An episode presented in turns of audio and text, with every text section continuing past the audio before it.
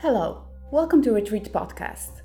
Today I had a pleasure to host a very special guest, a household name in the yoga world, Eddie Stern. Actually, it would be more precise to say that Eddie has hosted me at the beautiful Broome Street Ganesha Temple in Manhattan, where I practice in the morning and then we sat down to talk. Eddie has more than 30 years' experience in yoga practice. He is a renowned teacher, lecturer, collaborates on scientific research on yoga, cooperates with public institutions on health and wellness programs, and contributes to initiatives to reduce gun violence. He writes books and creates apps that support practitioners in their pranayama and asana practice. And here's the conversation we had this morning. Enjoy! So, hello, Eddie. Thank you so much for taking time to meet and, and uh, have this conversation. My pleasure. And thank you for the morning practice. Um, so my and my first question is I'll have many more questions regarding the practice and how the way you teach. But my first question is regarding the space because this is not not a regular yoga studio. It's not you know a yoga studio at all. What is it?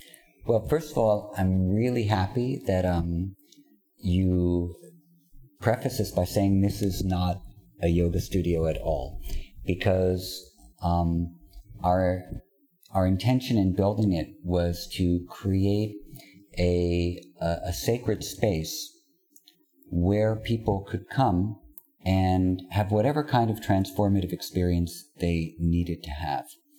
So where we are is in a Hindu temple. This is the Broome Street Ganesha Temple.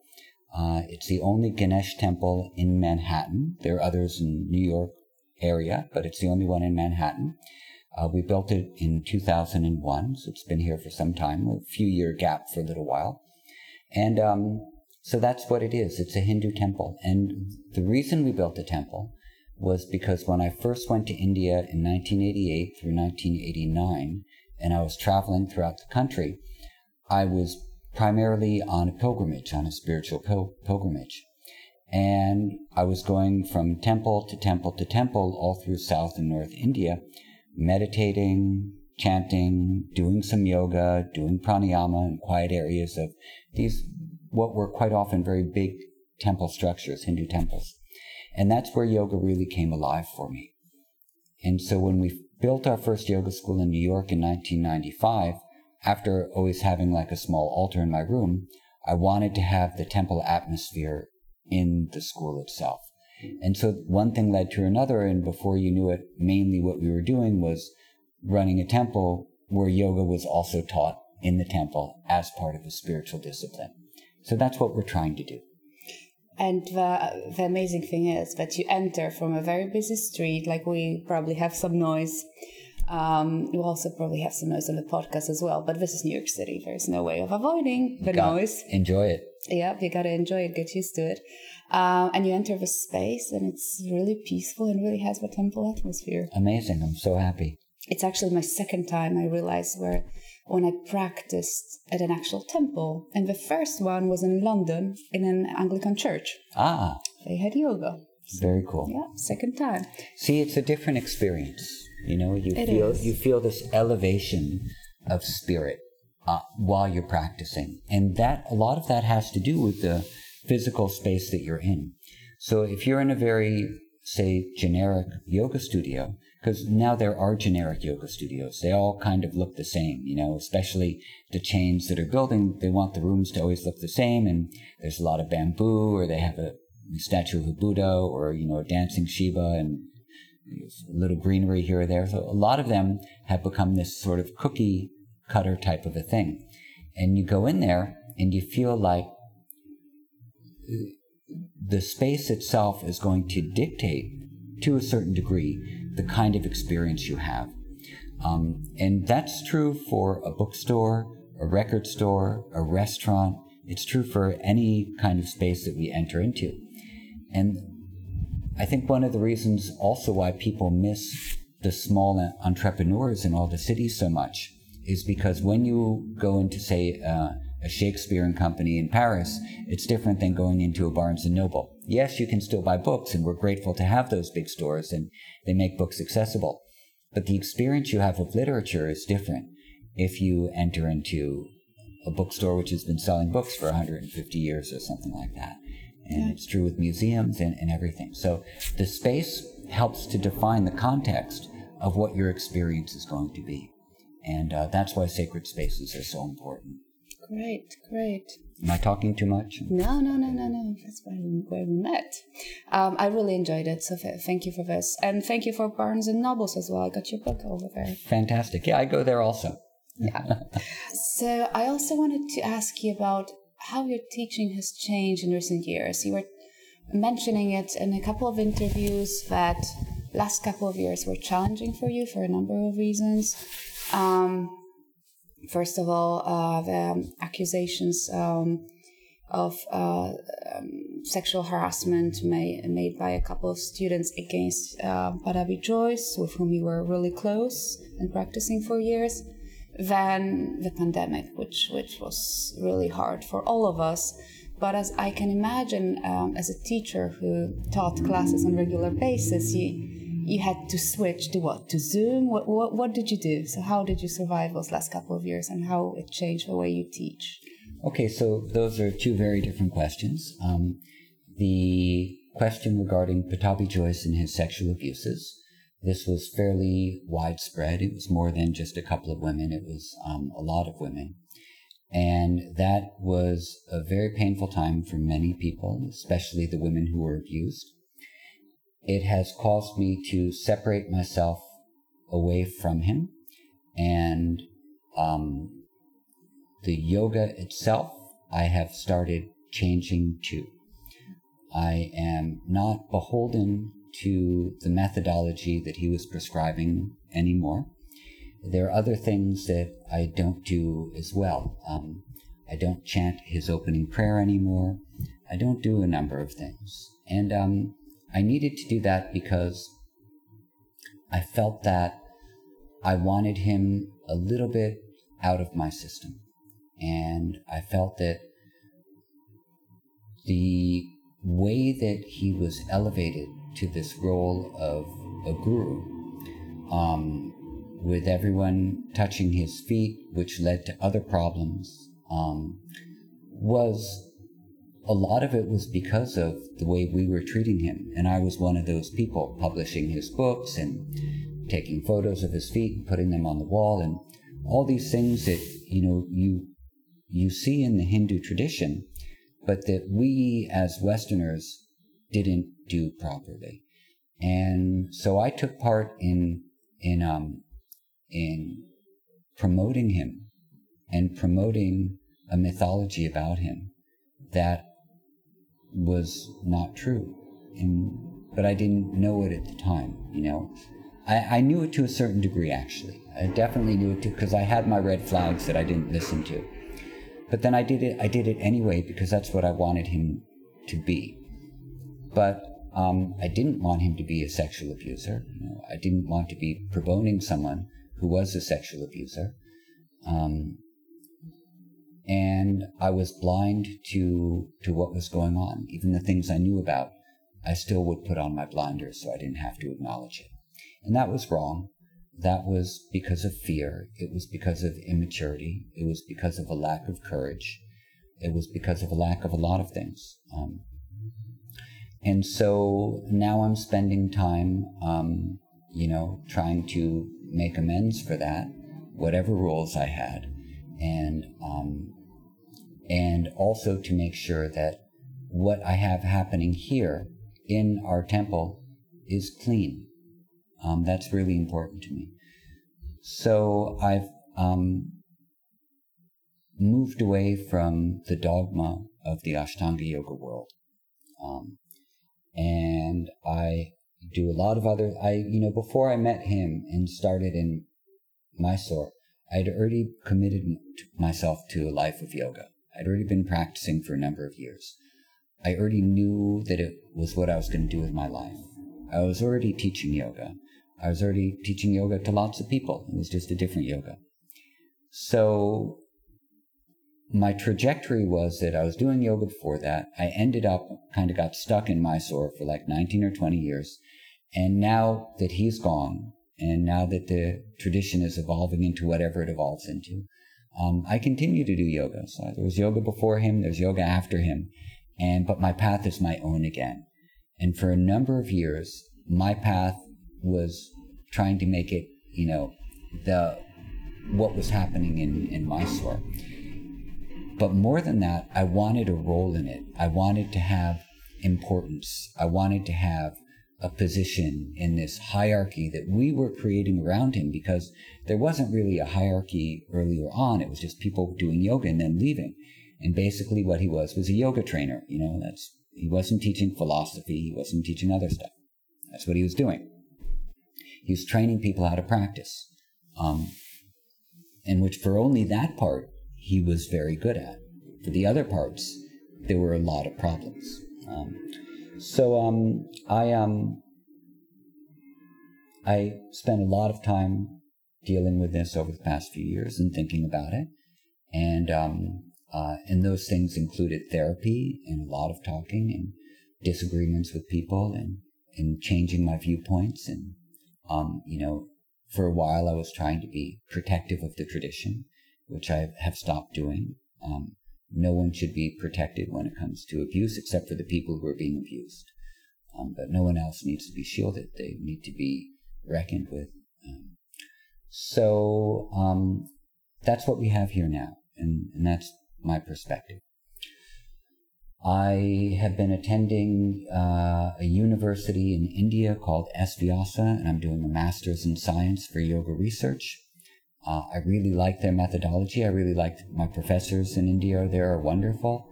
I'm applying a lot of what I learned there to how I teach now.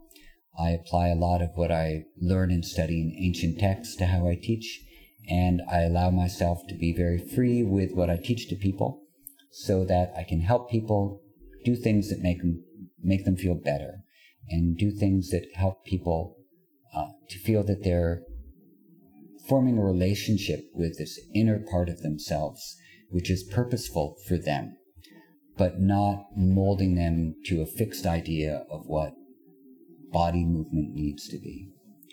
There are certain things that I am very um, uh, adhere to tradition on, but those are mainly things with mantra, with ritual, um, and when it comes to the asana portion, then I adhere more to what can this person in front of me, what can their body do, what can their body not do, what do they need, uh, what do they not need. So while you were practicing, you might not have noticed my mother was here.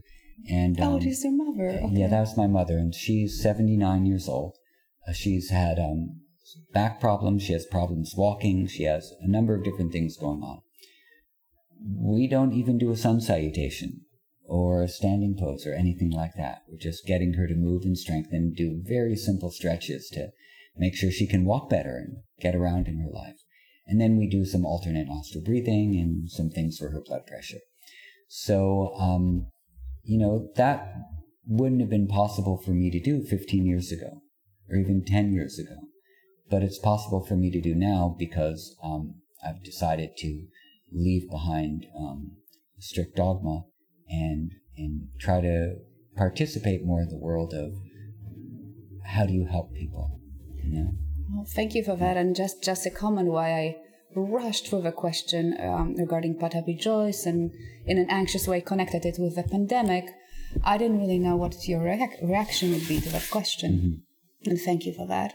I think uh, a little comment from my side that the reckoning and understanding of um, what the last couple of years brought, all the history of so many women that, that have been hurt, uh, it's pretty much only discussed in the Anglo-Saxon yoga world. Where I'm from, you still have the pictures on the wall. It's not being discussed. I don't actually think many people know about it. So, so that's why uh, it was so, so important for me to um, to touch this topic because I think that um, practicing Ashtanga or any Ashtanga based yoga system without having, you know, the bigger picture, knowing the whole story is, is simply wrong. Yeah. You know, what he learned, he learned from Krishnamacharya. And what Krishnamacharya learned, he learned from his teacher. And if you look into Yoga Makaranda or Yogasanagalu, um, see the early photos of Krishnamacharya practicing, he was practicing basically what we're doing today with some mild variations. So we can connect ourselves to a part of the tradition where this is sourced from, and um, and that's allowable in the yoga traditions. In the Hindu tradition, this is allowable that um, you consider that the knowledge is the important thing, and that people are going to sometimes do really bad things. I'm not going to say people are flawed because sexual abuse is not a flaw. Um, uh, everyone is flawed, and some people do really bad things. Um, they give in to their lowest impulses, and um, so, but there are streams of knowledge that we can still connect to, even while doing these practices, that transcend the the problems of another human being. This is something that almost every practitioner has to do at one time or another. Going back hundreds of years, thousands of years, uh, even if you look at the stories of the rishis, the rishis did things that were not considered to be good uh, quite often. And sometimes they had good outcomes, and sometimes they were just things that are were confusing, debatable behaviors that that continue to be debated this day by the great scholars in terms of human behavior or godlike behavior. So, so we don't know, um, but we do know that if someone is hurt, if many people are hurt by the repetitive actions of a person, then there's something very, very wrong there, and there's no whitewashing that with spirituality. So, um, so where do we find goodness in a tradition? You know, well, we question what is the tradition, or where did it come from, where is it sourced in, and um, and what is there which is useful, what is there that's not useful, and this is something that occurs in every facet of society, whether it's in theater or in music or professional sports or Hollywood or it's happening, right? Um, and um, so we're not alone in that. But what we have to make sure is, and that I didn't make sure, and that I wasn't doing five years ago, was making sure that we responded properly, which we did not. We had a huge failure as a community, a huge failure. And, um, you know, we don't want to do that again. I don't want to do that again. We don't want to do that again as a community. Then there's the question of what is a community? It's so fractured, you know, into so many different. And now I'm part of a fractured community because I don't align with um, with Mysore anymore. And uh, I don't even call my practice that I'm teaching here Mysore practice. Self-paced. Safe, self-paced practice. So I'm now part of a fractured community. Uh, so what do you do? You have to try to keep love in your heart, and you have to try to um, uh, adhere to what you know is the right thing to do, the right way to behave. You have to continue to listen with open mind um, and open ears, and um, be willing to apologize, to be wrong, and then to correct your course. And that's all. Um, so coming back to the to the second to, part the Zoom question, question. to the Zoom question of pandemic, because as as far as I know, New York City had a very severe lockdown. We did. really early on. So how did you survive as a yoga teacher? I got lucky. I was extremely lucky um, in that we started teaching on Zoom like everybody. And what we did was made all of our classes donation based, which they continue to be. We embedded into our website currencies from about 30 different countries. Do you have Polish currency? Uh, we can add it if we don't. And what people do is they donate in their own currency for whatever the value is of a yoga class where they live. And if they're not sure what the value of a yoga class is, we say, find out the price of a cup of coffee from where you live multiply that by four or five. That's roughly speaking the value of a yoga class. So if you go to Starbucks in New York, it's five dollars for a cup of coffee. You know, four dollars anywhere else. Multiply by mm-hmm. that by five, that's twenty bucks. So it's close enough for jazz. Mm-hmm. So that's what we did. Um, people in, and then people in Iran or in Kazakhstan or Turkey who can't give money to the United States, they can come for free. They just put in zero dollars. Um, there are some students in Iran who, uh, after a year of practice, they planted a tree for the temple, um, and that was their donation. So I really liked it. I mean, I still really like it. And it's fun to connect with people all over the world. And it's also nice to see people practicing in their own kind of habitat cats and dogs and babies. Entering and, the space. And all that. You know, it's very real life. So I very much have enjoyed it. But I was lucky because we had enough of um, um, of a mailing list and enough of a community on Instagram that there were people who, you know, when you spread out the amount of donations that were people given, maybe 30% of the people would donate, 70% wouldn't. That was enough to survive on. Um, and so that's what we did. I read your book, and your book has a rather long title. One simple thing, Yeah. meaning yoga, you mean by this. and then it says a new look at the science of yoga and how it can transform your life. How did you get interested in this? In checking, you know, this scientifically, using a scientific method, evidence based, how yoga works? I got interested in it because there was a researcher named Marshall Hagins who came to this space in 2010 and asked if I'd help design a yoga protocol that he could study for heart disease in African Americans. And so I said I didn't know if I could do it. I'd never done that before, but I was very willing to try. And so I designed a protocol for him. I trained someone, two people to teach the protocol. We did a 12 week study and it showed to actually pretty much work and it helped to lower blood tension, pre-hypertension in a certain age range of African Americans. And um, I thought this is really interesting. And then I did another study with him and then that led to being involved in the science world. And now I'm doing my own master's in science because I never went to college. I don't have a bachelor's. And I'm doing my own master's in science so I can start doing my own research as well. You describe in great detail how pranayama works on the nervous system and how it how it can potentially help. Could you elaborate about a bit on this? And also, you have a teacher training course on pranayama. So, it, and you have an app also, Yes. um, an app that you have created with uh, Deepak Chopra and with Moby. yes. Um, so, pranayama seems to be a special interest of, your, interest of yours. It is. Um, all the asana practices are said to prepare us for more inner practices, and pranayama is the first of the inner practices. Prana and the mind are two sides of the same coin. So if your breath is agitated, which is an expression of prana, then the mind is agitated. And then when the breath becomes calm, the mind can become calm.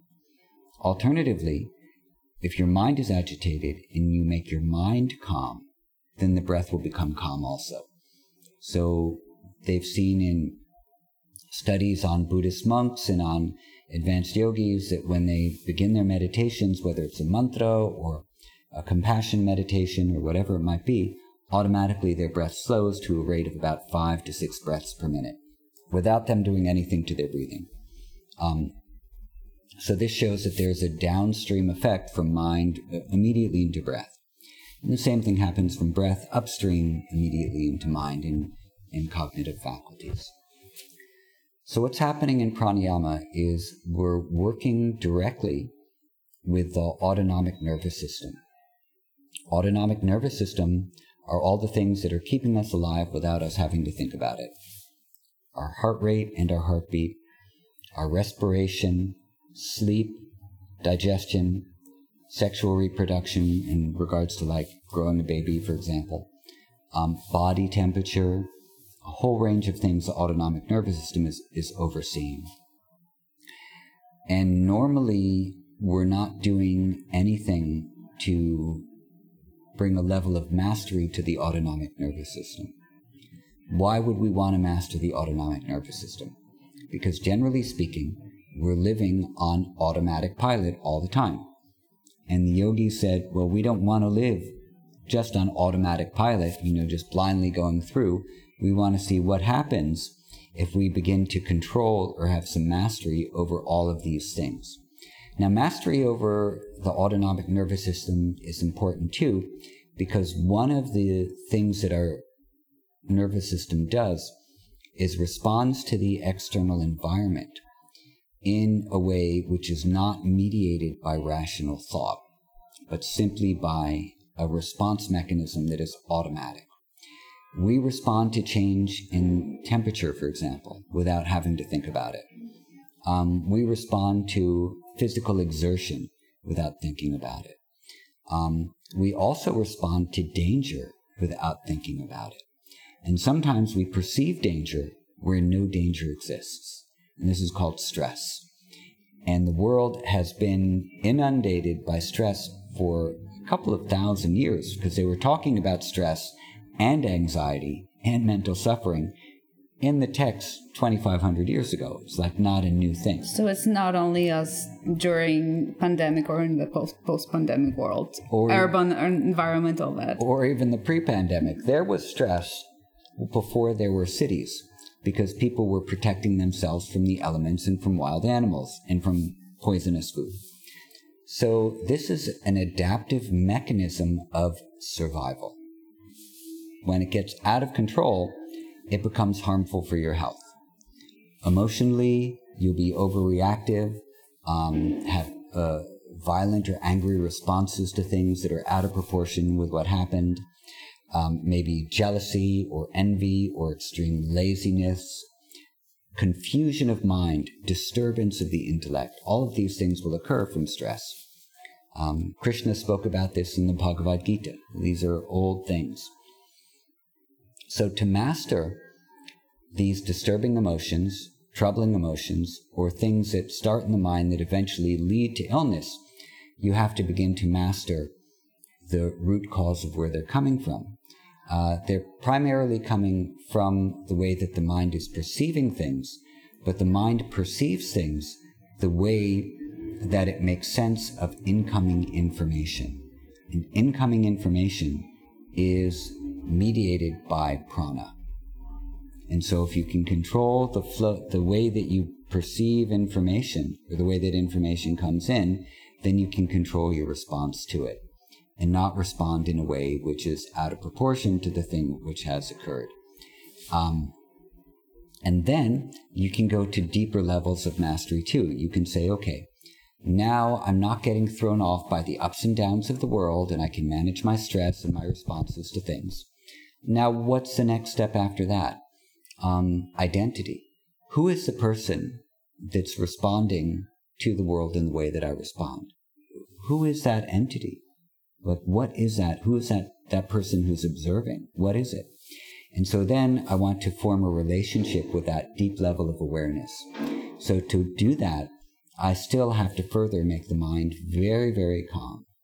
And I have to begin to um, the way that it's described is burn out the seeds of memory, of impressions, of past experiences that are tying me to my identity.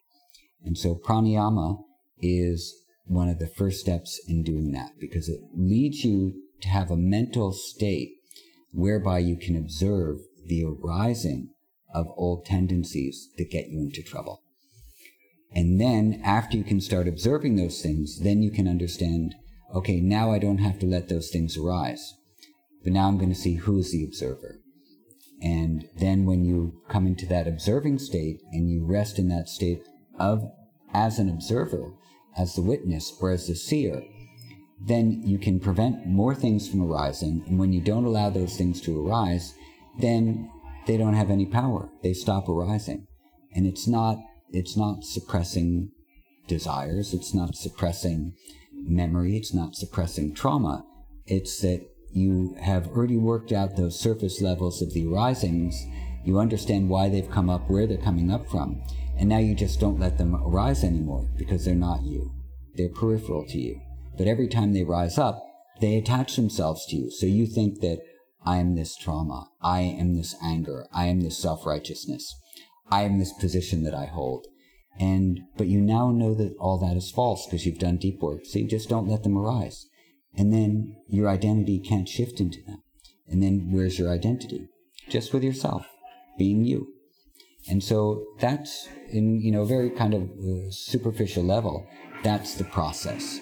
Um, and that's why I find the autonomic nervous system so fascinating because uh, most of our identity is tied up in the processes of autonomic nervous system breathing our heartbeat digesting food sleeping sexual activity um, those are kind of like the big five and so what did the yogis do they practiced sexual restriction or sexual responsibility in the form of brahmacharya um, which meant different things for different classes of people.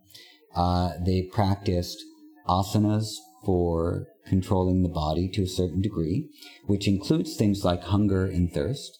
They practiced pranayama for the control of heart rate, control of respiration, and control of the stress response, most importantly. Um, they pr- practiced restriction of food uh, um, so that they didn't give in to the indulgence that later leads to ill health or diabetes or things like that. And they practiced um, proper amounts of sleep. Um, sleeping early, waking up early, mm-hmm. not staying up too late and getting up too late, which throws you out of balance with universal rhythms. So by paying attention to those sort of five primary yogic practices, you not only um, bring your physical self into greater levels of harmony, you bring it into harmony with the cycles of nature that are occurring around us.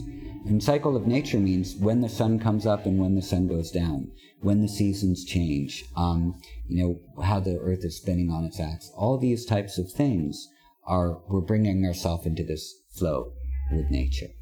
Um, we're not fighting against nature. So, and when you fight against nature and you indulge in bad food or no sleep or staying up late or working too much or you know, all those things, you throw off the ability of your body to maintain balance for itself, and you get sick, or you get stressed, or you get anxiety, you get a disease, um, you lose your purpose. You lose touch with purpose. And um, so that's why I like the autonomic nervous system. And that's why I think the yogis are so fascinating in the way they've addressed autonomic nervous system function. I'm sorry if I'm a mildly complicated person, but it's just how I function. It's not not an easy topic, even though you called your book one simple thing. Why did I call it one simple thing? Because basically you don't have to know any of that stuff for it to work. Like all you have to do is do some yoga, and yoga begins to balance you. O- almost any type of yoga will work. If you pay attention to your body, breath, and awareness, any yoga will work, and it will start to bring things back into balance. And how does your daily practice look like um, these days? My daily practice these days is usually about um, usually 45 minutes to an hour of asanas. And the asanas that I do are going to be dependent on what I feel like working on that particular day. Uh, I do a lot of therapeutic things. I do a lot of things for strength and for balance. Um, I don't do a lot of extreme asanas anymore. Um, they, for a while, they made me feel really good, and then they kind of stopped making me feel good. So I only do the asanas that make me feel better. That's my parameter. Uh, I do some pranayama every day, usually 15 to 20 minutes of some different practices. And I take care of the deities in the temple, which takes a little bit of time as well.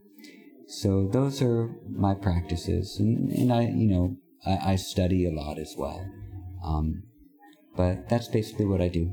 So what? Oh, six times a week?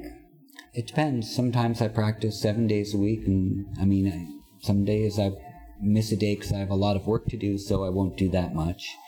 And um, maybe it'll be four days a week, and so I'm, you know, I um, I don't worry about it too much anymore. Um, the if I have to miss a few days here or there because here or there because of whatever, then it's no big loss. You know, you pick it up again when you when you start. So it's also about not sticking to the dogma in a way. It's about being purposeful, um, and you know, discipline and dedication uh, doesn't have to look the same every day. There can be variety, uh, and um, if you do the same thing too rigidly for too long period, it, you start to dry up a little.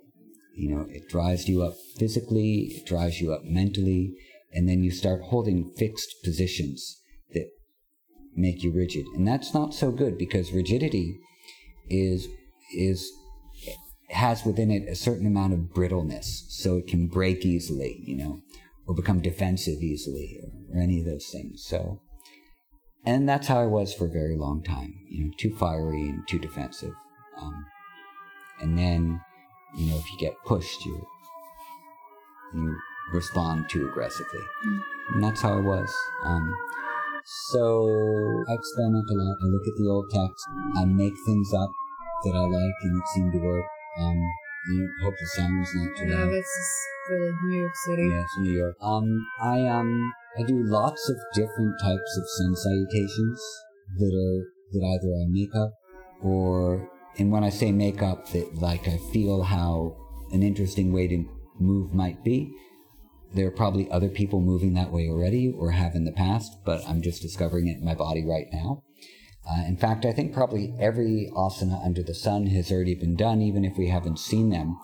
And we can discover them in our own bodies because discovery is a natural thing, you know. People discovered the light bulb at the same time on either sides of the planet. Thomas Edison didn't do that alone, you know. Yeah, but just he, one person got a credit. He got it. the credit for it, but other people came up with it. Um, you know, Tesla was way ahead of the game with all that stuff, but he wasn't getting the credit for it and his ideas were too advanced probably for the time. So I um, play around with things, and sometimes I find things that that work really well and make me feel really good, and then I'll start teaching them. Um, some days I'll do things that don't seem to work very well. Hmm. I, don't, I, I think there are a lot of people doing that. I'm not unique in that way. Myself yeah. included. I was yeah. experimenting a lot when I was pregnant and yeah. tried to adjust my practice. Bodily limitations. Um, I found uh, somewhere researching on researching online that you uh, do a lot of community. Not maybe it's not community service, but working with youth in New York City, or you used to. Yeah. Troubled youth or potentially troubled youth. Is yeah. it like a seva, you know, like selfless service for you? Uh, what does it mean to you, and how, you know, what does it look like? So I've been working with a group in Queens, which is one of the boroughs of Manhattan, for 11 years now. And they are a gun violence reduction organization. And part of gun violence reduction is therapeutic wellness. The organization is called Life Camp. Um, I'm on the board of directors now, actually, uh, as the secretary, so I take notes and um, help with organizational things. And um, I train the young people in the organization in yoga and how to teach yoga so that they can teach it in their communities. So we've been doing that for, you know, a decade. Um, I also spent since 2001, I worked in public education, either t- training teachers or training school teachers how to teach small yoga based practices. We call them health and wellness practices during the school day for stress reduction and um, time on task and things like that. So we did a lot with that, um, reached a lot of kids over a long period of time. So I don't do the public education work anymore, but I do, I'm very actively involved in the gun violence reduction stuff. Um, that's really important. And America is like one of the top worst countries in the world for gun violence. And probably the, the worst one among the Western countries and countries without a, you know, warlike situation going on. Absolutely. Sadly. We are number one when it comes to uh, first world countries um, with gun violence. And I mean, it's just, it's despicable what the gun lobby, the U.S. Supreme Court, Congress, the Senate, despicable. Um, how they have protected the rights of people to own guns when it's not necessary at all.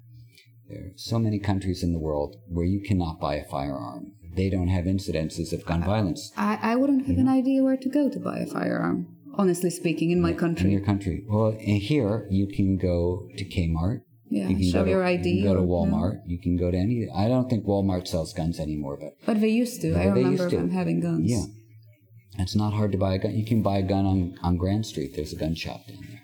It's just horrible, and all those um, poor children who were murdered day before yesterday, their families, the community, 19 kids, two teachers, and the the world of American gun fanatics are numb to pain. They're numb to what's really happening because they want their firearms. It's a sickness. It's all it is. It's a it's a mental sickness, and um, you know, this is one of the ways that Life Camp is approaching the um, the desire for someone to pick up a gun to solve a dispute means that there is a lack of mental wellness there that needs to be addressed. Um, and that mental wellness is uh, an exaggerated, aggravated response to a bad situation that we were talking about earlier. So the thought of violence springs to the mind so quickly, that you don't have to act on it. You know, maybe there's another way to resolve this type of a dispute. So the idea was, you know, what happens if we learn how to pick up a yoga mat instead of a gun, pick up a meditation te- technique instead of a gun, pick up a breathing technique instead of a gun, um, pick up um, a phrase to use to stop yourself instead of your first resort being to go to violence. You know, what would happen? And actually, what has happened is a lot of prevention. Um, Life Camp has a number of different protocols that are in place, but therapeutic wellness is like is really up there at the tier, the top tier of what they do. Um, interventions are another one, and um, you know, crisis resolution is another one. But all of it has to do with like, where is your mind? You know, you're if you're if you feel the need to kill someone who just for whatever the reason might be, whatever the dispute might be, whatever the territory dispute might be, if if your first response is to pick up a gun, something not right is happening in your processing of the situation. And so they, and now I didn't grow up in, in these areas, so, um, you know, I, there's so much I can't say about it, about why. And there's so much racism and depression and lack of opportunity, lack of access to resources, including good food or um, good education. There's, there's so much racial disparity in New York City that when you live in Manhattan, you don't see it quite as much, but if you go to Queens, it's very, very apparent. In other areas in New York, it's very apparent. There's a tremendous amount of racial disparity here. And, um, and that, that affects people. You know, when you can't get the things you need, the jobs you need, the food you need, um, the quality housing you need, um, it's going to make you angry. It's going to make you stressed out. Um, and that's automatically going to lead to behavior which you know we, we don't want to say it's justifiable but the we have to understand that yeah that's where your mind is going to go when life is so unfair towards you. I don't know. So anyway i yeah, i s- spend a lot of time trying to support and trying to help them. I think this is a very important um, um, survival issue you know. And when I say survival, I mean literally, you know, staying alive and, um, and all that. So, um, as my uh, position as a white man, Jewish background, privileged, um, obviously, I mean, look at the place that I'm in right now. I mean, this is it's a it's a privilege to be able to raise the money to maintain a place like this. Um, the um, you know, how can I freely share any learning I have to help people become independent in making their lives better, maybe have an income stream, and maybe spread some peace around, you know. If it has a small, tiny little drop in the bucket, that's great, you know. Buckets get filled drop by drop, right? Yeah, great. Uh, I wanted to ask you about your Jewish background. And also, you are born and raised here in Yeah. Lower Manhattan, right? And your family has been here for over what? Generations and Generations generations. and generations. Yeah, since the 1880s. Amazing. Yeah. Yeah. So uh, your background is Jew- Jewish, and in the book and in some of the interviews, you're saying that you meet with a rabbi. So do you consider yourself religious, or is it more a cultural heritage you have? I'm a, definitely a very religious person, um, and but the religion I practice and have faith in is Hinduism. Simply because I wasn't raised with Judaism in my life, and many people growing up in New York were not raised with Judaism in their lives because uh, Jews were not well liked in America in the 1920s, 1930s, 1940s, 1950s. I mean, even still, there's um, a lot of anti Semitism throughout the world. Uh, and so the Jews who were in New York around that time, including my grandparents, uh, on the one hand, I had grandparent, I had great grandparents who were in Pittsburgh, who were um, rabbis and gave land to synagogues and were very much in the Jewish world. But my grandfather here in New York, he was what they call an assimilated Jew, and so were my, my grandmother on my um, on my father's side as well. They were assimilating themselves into the New York City economic atmosphere of Wall Street and things like that, um, society, and uh, to be Jewish was not popular or respected. Um, and um, so they didn't practice. Not all of them, but a lot of them, they just didn't practice. My mother was sent to a Catholic school. Um, and that's how I grew up, celebrating Christmas and Easter and not really knowing, you know. The first time I saw Hanukkah, I was like, my God, eight days of gifts, this is pretty cool. um, but you only got one at a time. So, anyway, but spirituality was a calling for me when I was a teenager, and I followed that, you know, and I followed it to India, and that's where everything came alive, and that's what I ended up, what ended up speaking to me. So I consider myself to be Jewish in terms of my genealogy and my heritage. My ancestry is Jewish, and um, I haven't, you know, I don't know if I believe in conversion or anything like that. I believe in in practice, and I believe in embracing what you love. But I, there's nothing for me to leave behind, because I think that, you know, there's been so much suffering in the Jewish tradition as well that I don't want to turn my back on all that suffering and say I'm not that because I am that. I'm a product of that.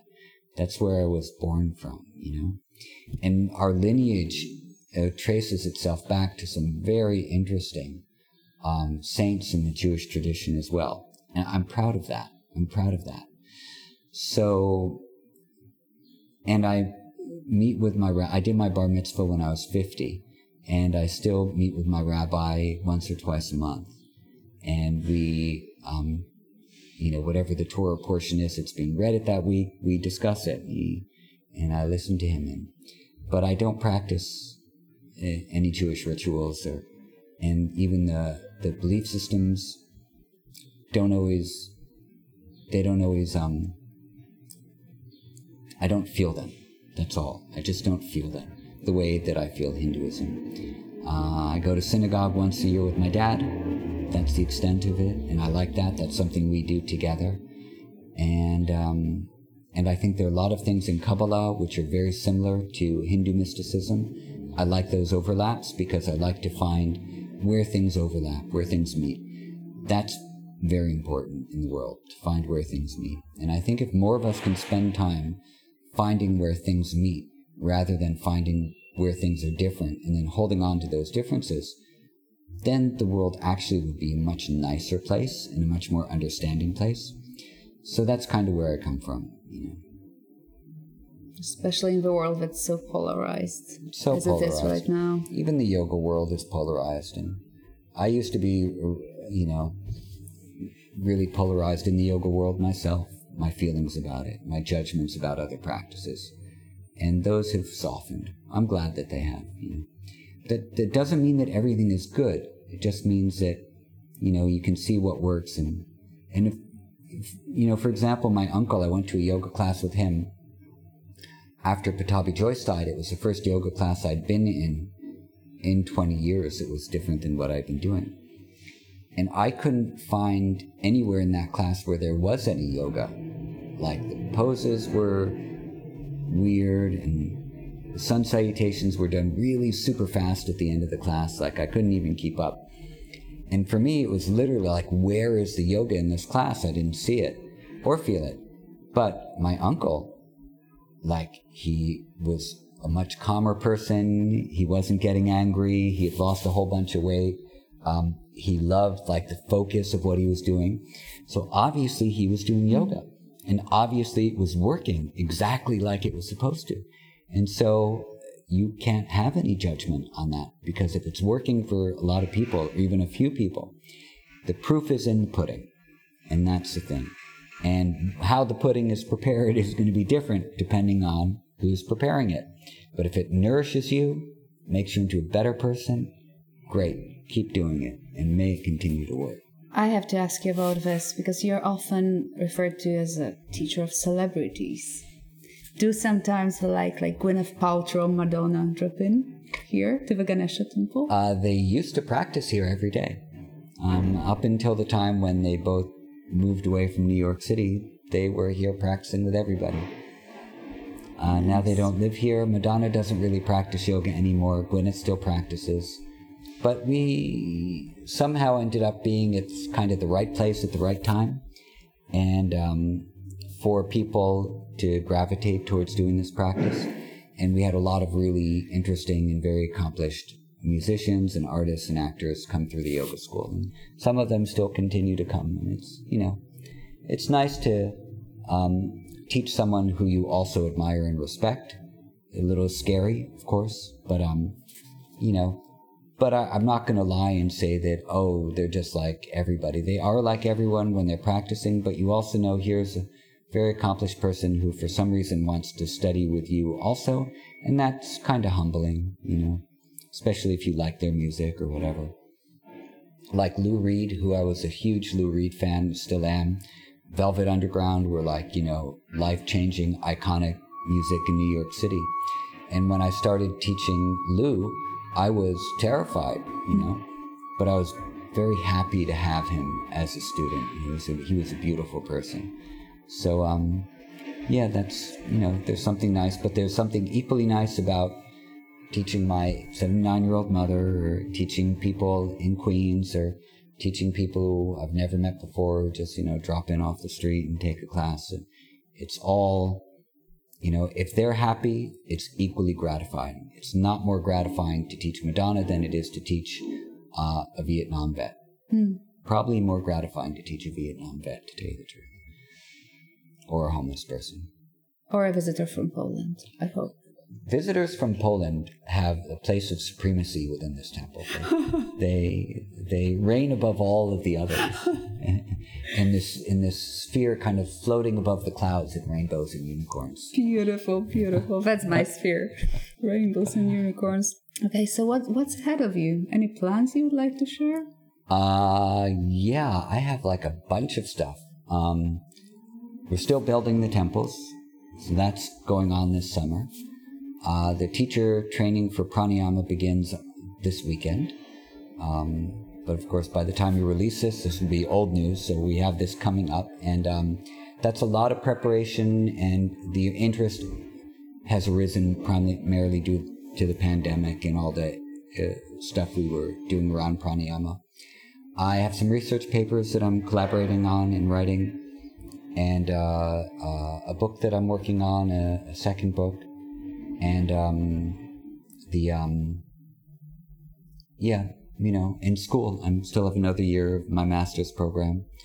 Um, so those are all some things like on the horizon. It's always active and always something uh, to to do. Any plans to come to Europe with workshops? No, I've kind of decided that um, before the um, pandemic started, I decided two things. One, I didn't want to teach Mysore style anymore, um, I needed it to be something else for me. And then two, that I was going to stop doing workshops for a while and traveling so much. So, and now that the temple is reopened, I know that I really want to be here, um, teach in the temple, uh, continue to grow this and, and, and do the worship that needs to be done to make it a temple. So I don't really have plans to do workshops again. Um, I don't think I'm going to be a traveling teacher again. Uh, as much as I really liked it and loved meeting people, uh, I'll probably do the odd thing here or there, but um, nothing this year. So it simply means I need to come here again, come back to practice with you. Come back and practice here, or I'll see you online. Oh, yeah, exactly. and uh, you know, I'm sure one day I'll end up uh, somewhere back in Europe again, doing something smaller or whatever. Who knows what the future holds? I have no idea. Uh, uh, I'm not opposed to doing it because I really love doing it, but now I know, at least for the next year or so, I'm going to focus back in New York. You know, I had, I never did teach workshops until 2011. So from 1993 to 2011, I didn't travel anywhere to teach. Even being invited, I said no, thank you. And I stayed here. And this temple built up into a very solid place because of that. We would see between 100 to 150 people in the morning classes every day of the week, except for the days we were closed. That's a solid program, and um, and it was it happened because I was committed here. When I started traveling and teaching, all that began to fall apart a little bit. Um, the classes got less, and um, the steadiness wasn't quite there. Then when we moved to Brooklyn, um, because we had to leave this place, it decayed even a little bit further. And so I know that if I can be present and dedicated, I can perhaps, maybe again, build something up which is very community driven. Um, but if I'm not fully here, it's going to be harder to do that. And I have a commitment to the people who have funded the temple as well, because we have a lot of donors who have made this happen. And so I'm committed to them.